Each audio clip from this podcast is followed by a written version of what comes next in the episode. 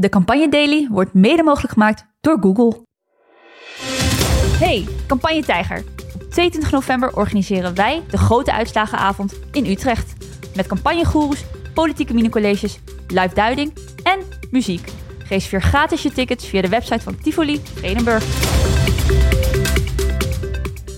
Nog 19 dagen voor de Tweede Kamerverkiezingen.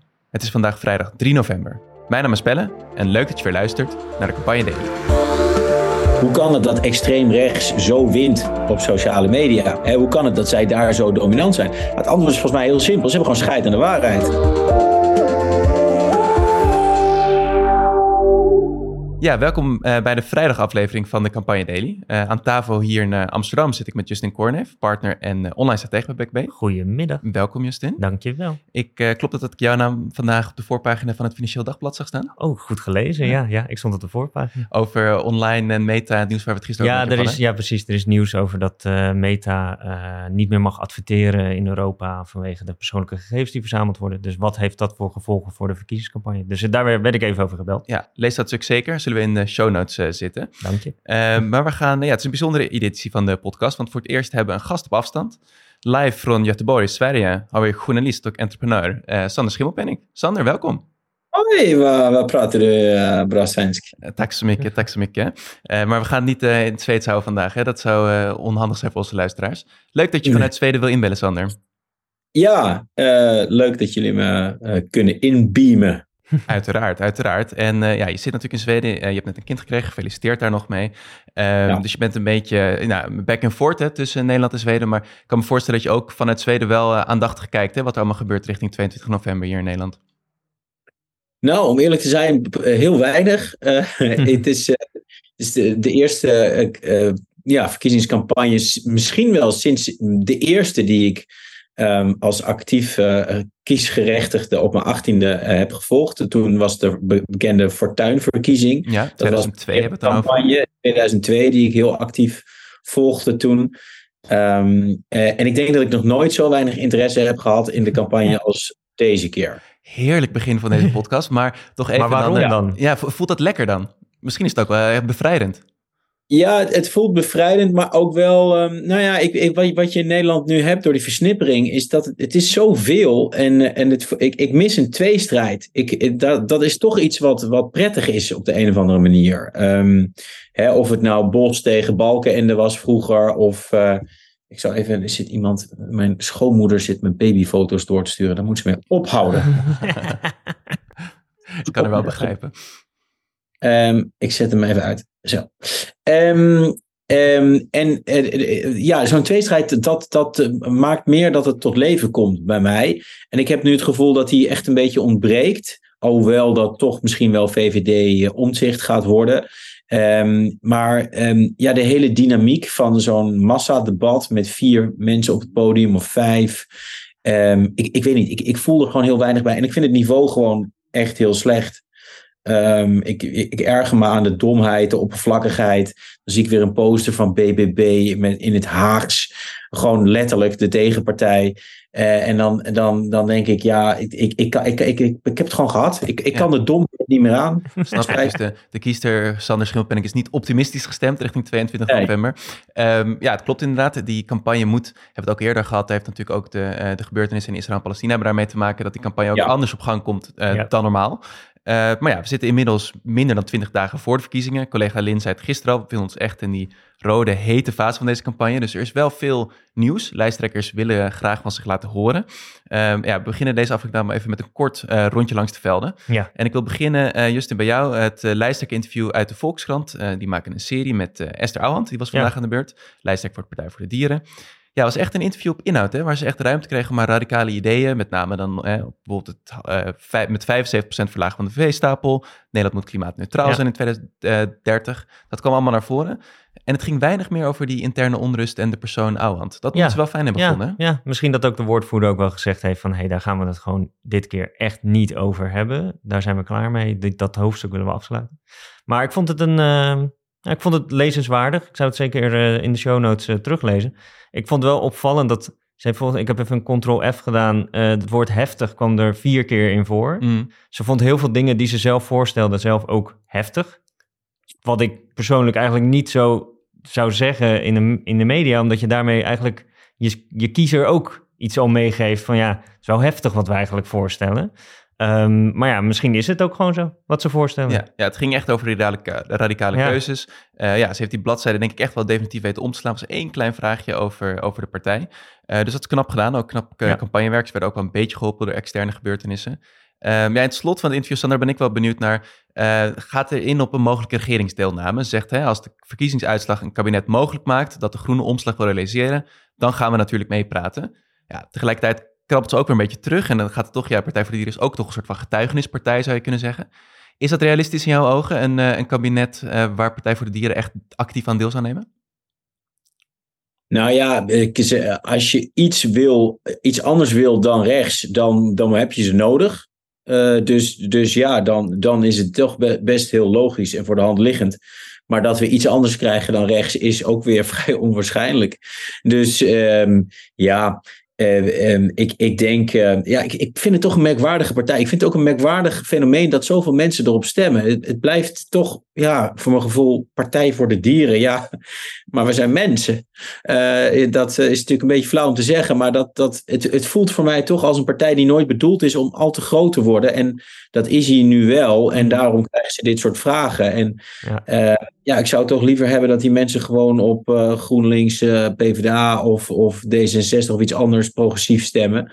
Want ik heb niet het gevoel dat deze partij echt um, dat, dat meent en ook echt in de regering wil komen. Ja, daar, dat is natuurlijk een deel waar ook dat interne conflict over ging, hè, over die ja. Ze zijn langzaam ja. stapjes zetten naar een, ook een breder verhaal misschien. Maar op dit moment, ja. als ik je zo hoor, Sander, vind je dat nog niet heel realistisch als, als, als kiezer?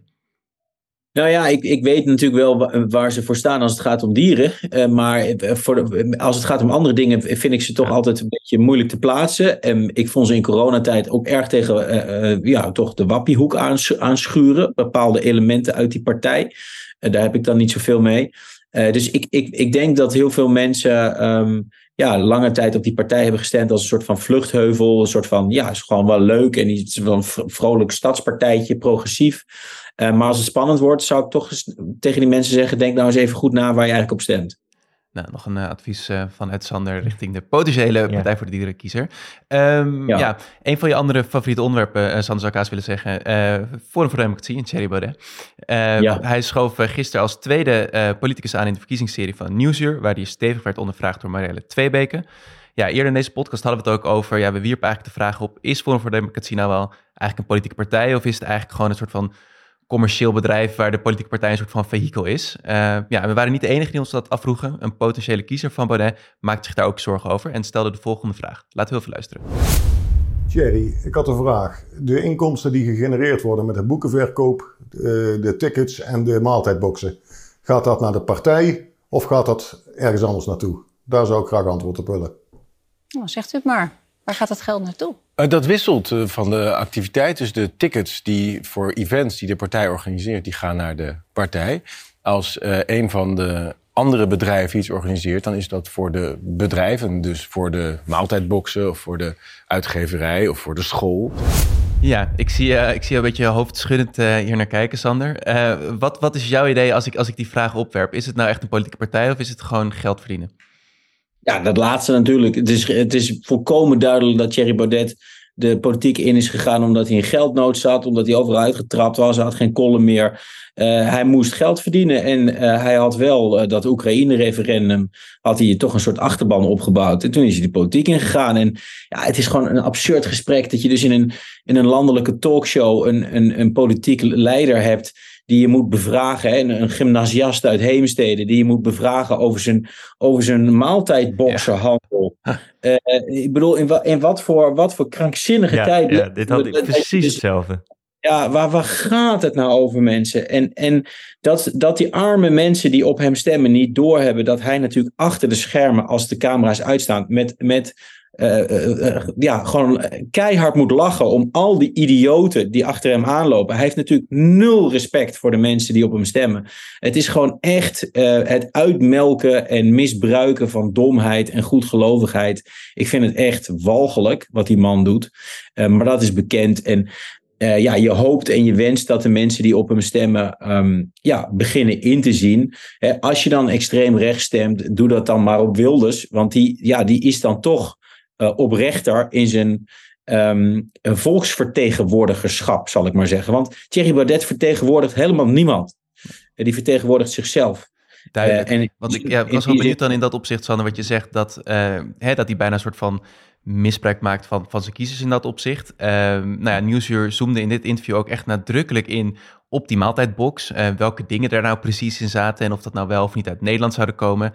Ja, het ging heel erg over die details. Maar uiteindelijk denk ik dat, dat op die manier van bevragen, dat zal niet het verschil maken, toch Justin? Een soort van, ja, hoe cares nee, uiteindelijk nee, die producten ik had, ik, dit, Volgens mij ging het hier gisteren ook al over dat Nieuwsuur heeft volgens mij bedacht, wij gaan op een andere manier die lijsttrekkers bevragen. We, we hebben dikke dossiers, uh, we hebben veel werk gedaan en we gaan ze pakken.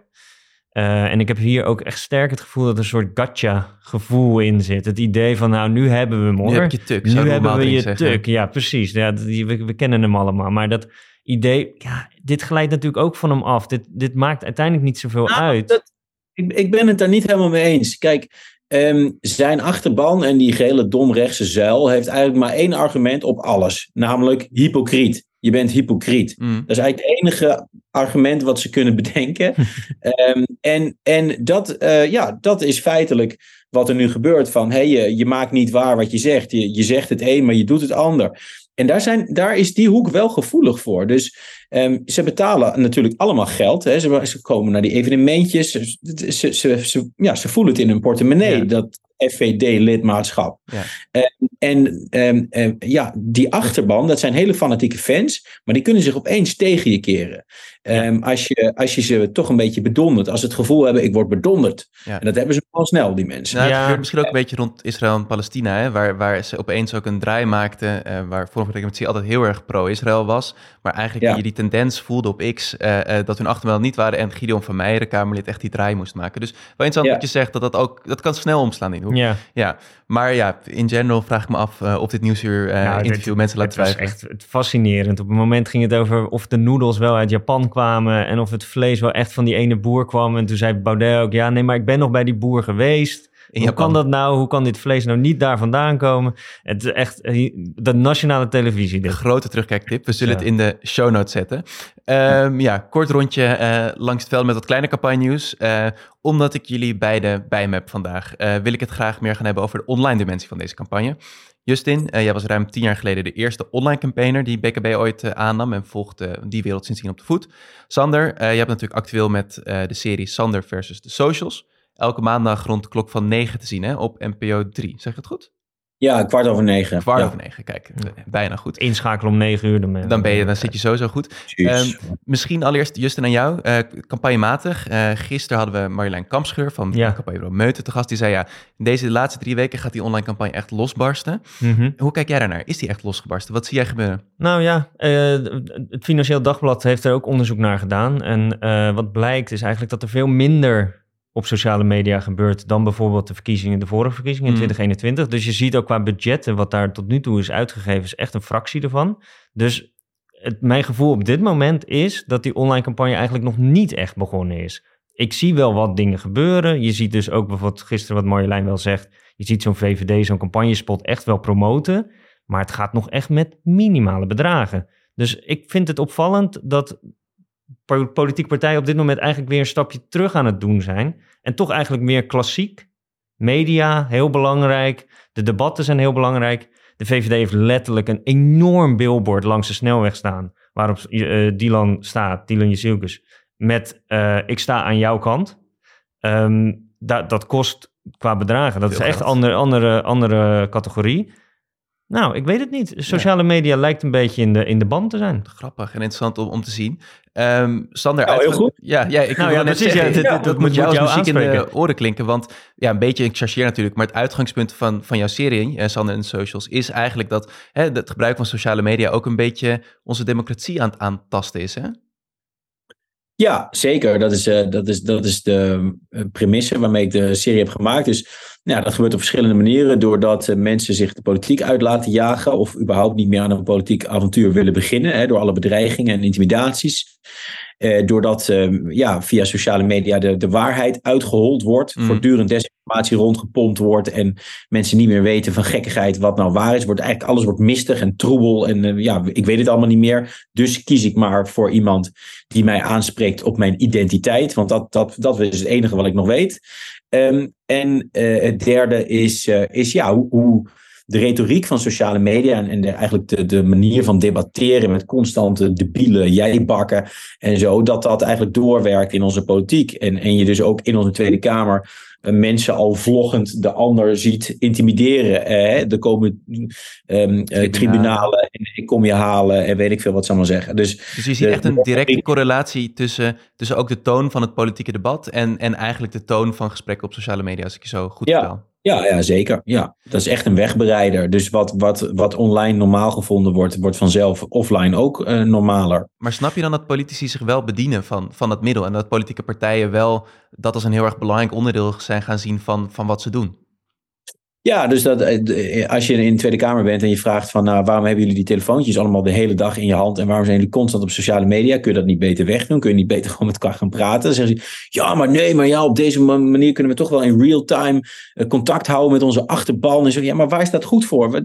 Dus, dus vroeger had je ook contact met je achterban. Schreef je een brief, was de kwaliteit van de communicatie, de uitwisseling veel beter? Was er toch een soort van drempel om met, met iemand te communiceren? Ik denk dat het heel gezond is, die, die opwellingen die snelheid waarmee alsmaar uh, in contact met, met iedereen gestaan moet worden, draagt volgens mij helemaal niets bij aan, aan, aan de politieke besluitvorming. En, en nou helemaal niet aan de omgangsvormen. Um, dus, dus ja, ik, ze zijn gewoon verslaafd, net wel als wij allemaal. En ze willen er niet verslaafd gemaakt, hè? Ja, ik bedoel, die social media die zijn natuurlijk ook ingericht om ons, uh, onze aandacht er Zeker. volledig bij te houden. En ik, ik, ik kan heel goed begrijpen dat politieke partijen op dit moment echt het moeilijk vinden om hier moreel een. Want ze willen ook die doelgroepen wel allemaal wel weer bereiken. Want ze ja. moeten uiteindelijk wel op je gaan stemmen. En daar zitten ze nou eenmaal. Ja, een soort van catch-22 dus. Ja, ik vind hem wel. Ik vind hem altijd moeilijk, ja. Ja, maar, ja, en... maar het, is, het is een soort van uh, visieuze circle.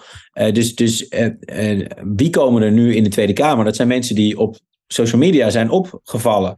Uh, dus dus uh, we, we, krijgen ook steeds meer politici die eigenlijk ja, gek zijn op sociale media, omdat ze er goed mee om kunnen gaan, omdat ze dankzij sociale media zijn bo boven komen drijven. Dus de kans dat die generatie politici iets gaat doen tegen sociale media wordt steeds kleiner. Ja, dat ja. stemt inderdaad in dat opzicht wel pessimistisch. Ja, over, over dat punt. Ik heb ook wel begrepen dat algoritmes just in uh, uh, bepaalde type emoties en bepaalde type politiek misschien ook wel makkelijker toont hè, dan ja. andere dingen. En je ziet nu natuurlijk zeker sinds Elon Musk Twitter inmiddels X heeft overgenomen, dat ook wel dat ja, iets, iets rechtserig geluid, dat dat wel hoogtijdagen viert en makkelijker ja. op ons beeldscherm komt. Hè? Nou, de, die ja, ophef loont. Dat is denk ik, elk algoritme op sociale media zal zeggen dat op het moment dat er veel interactie op is, dan uh, denkt het, het, medium, even heel simpel, de computer, denkt dat het iets interessants is en dat het meer getoond moet worden. Uh, ja. En TikTok is bijvoorbeeld echt een sociaal platform wat, dat is een algoritme aan steroids. Dus dat is, daarom is FVD, Forum voor Democratie, daar zo groot, omdat zij zullen gewoon constant uh, ophef creëren. En dat, dat wordt rondgepompt. En beloond dus. En dus uiteindelijk, nou ja, dat zullen we op 22 november natuurlijk zien. Of dit uiteindelijk ook gaat betekenen dat mensen dan meer gaan stemmen. Maar in, in die end, het heeft wel meer bereik. Dus, uh, en, en ophef, ja, dat, dat loont.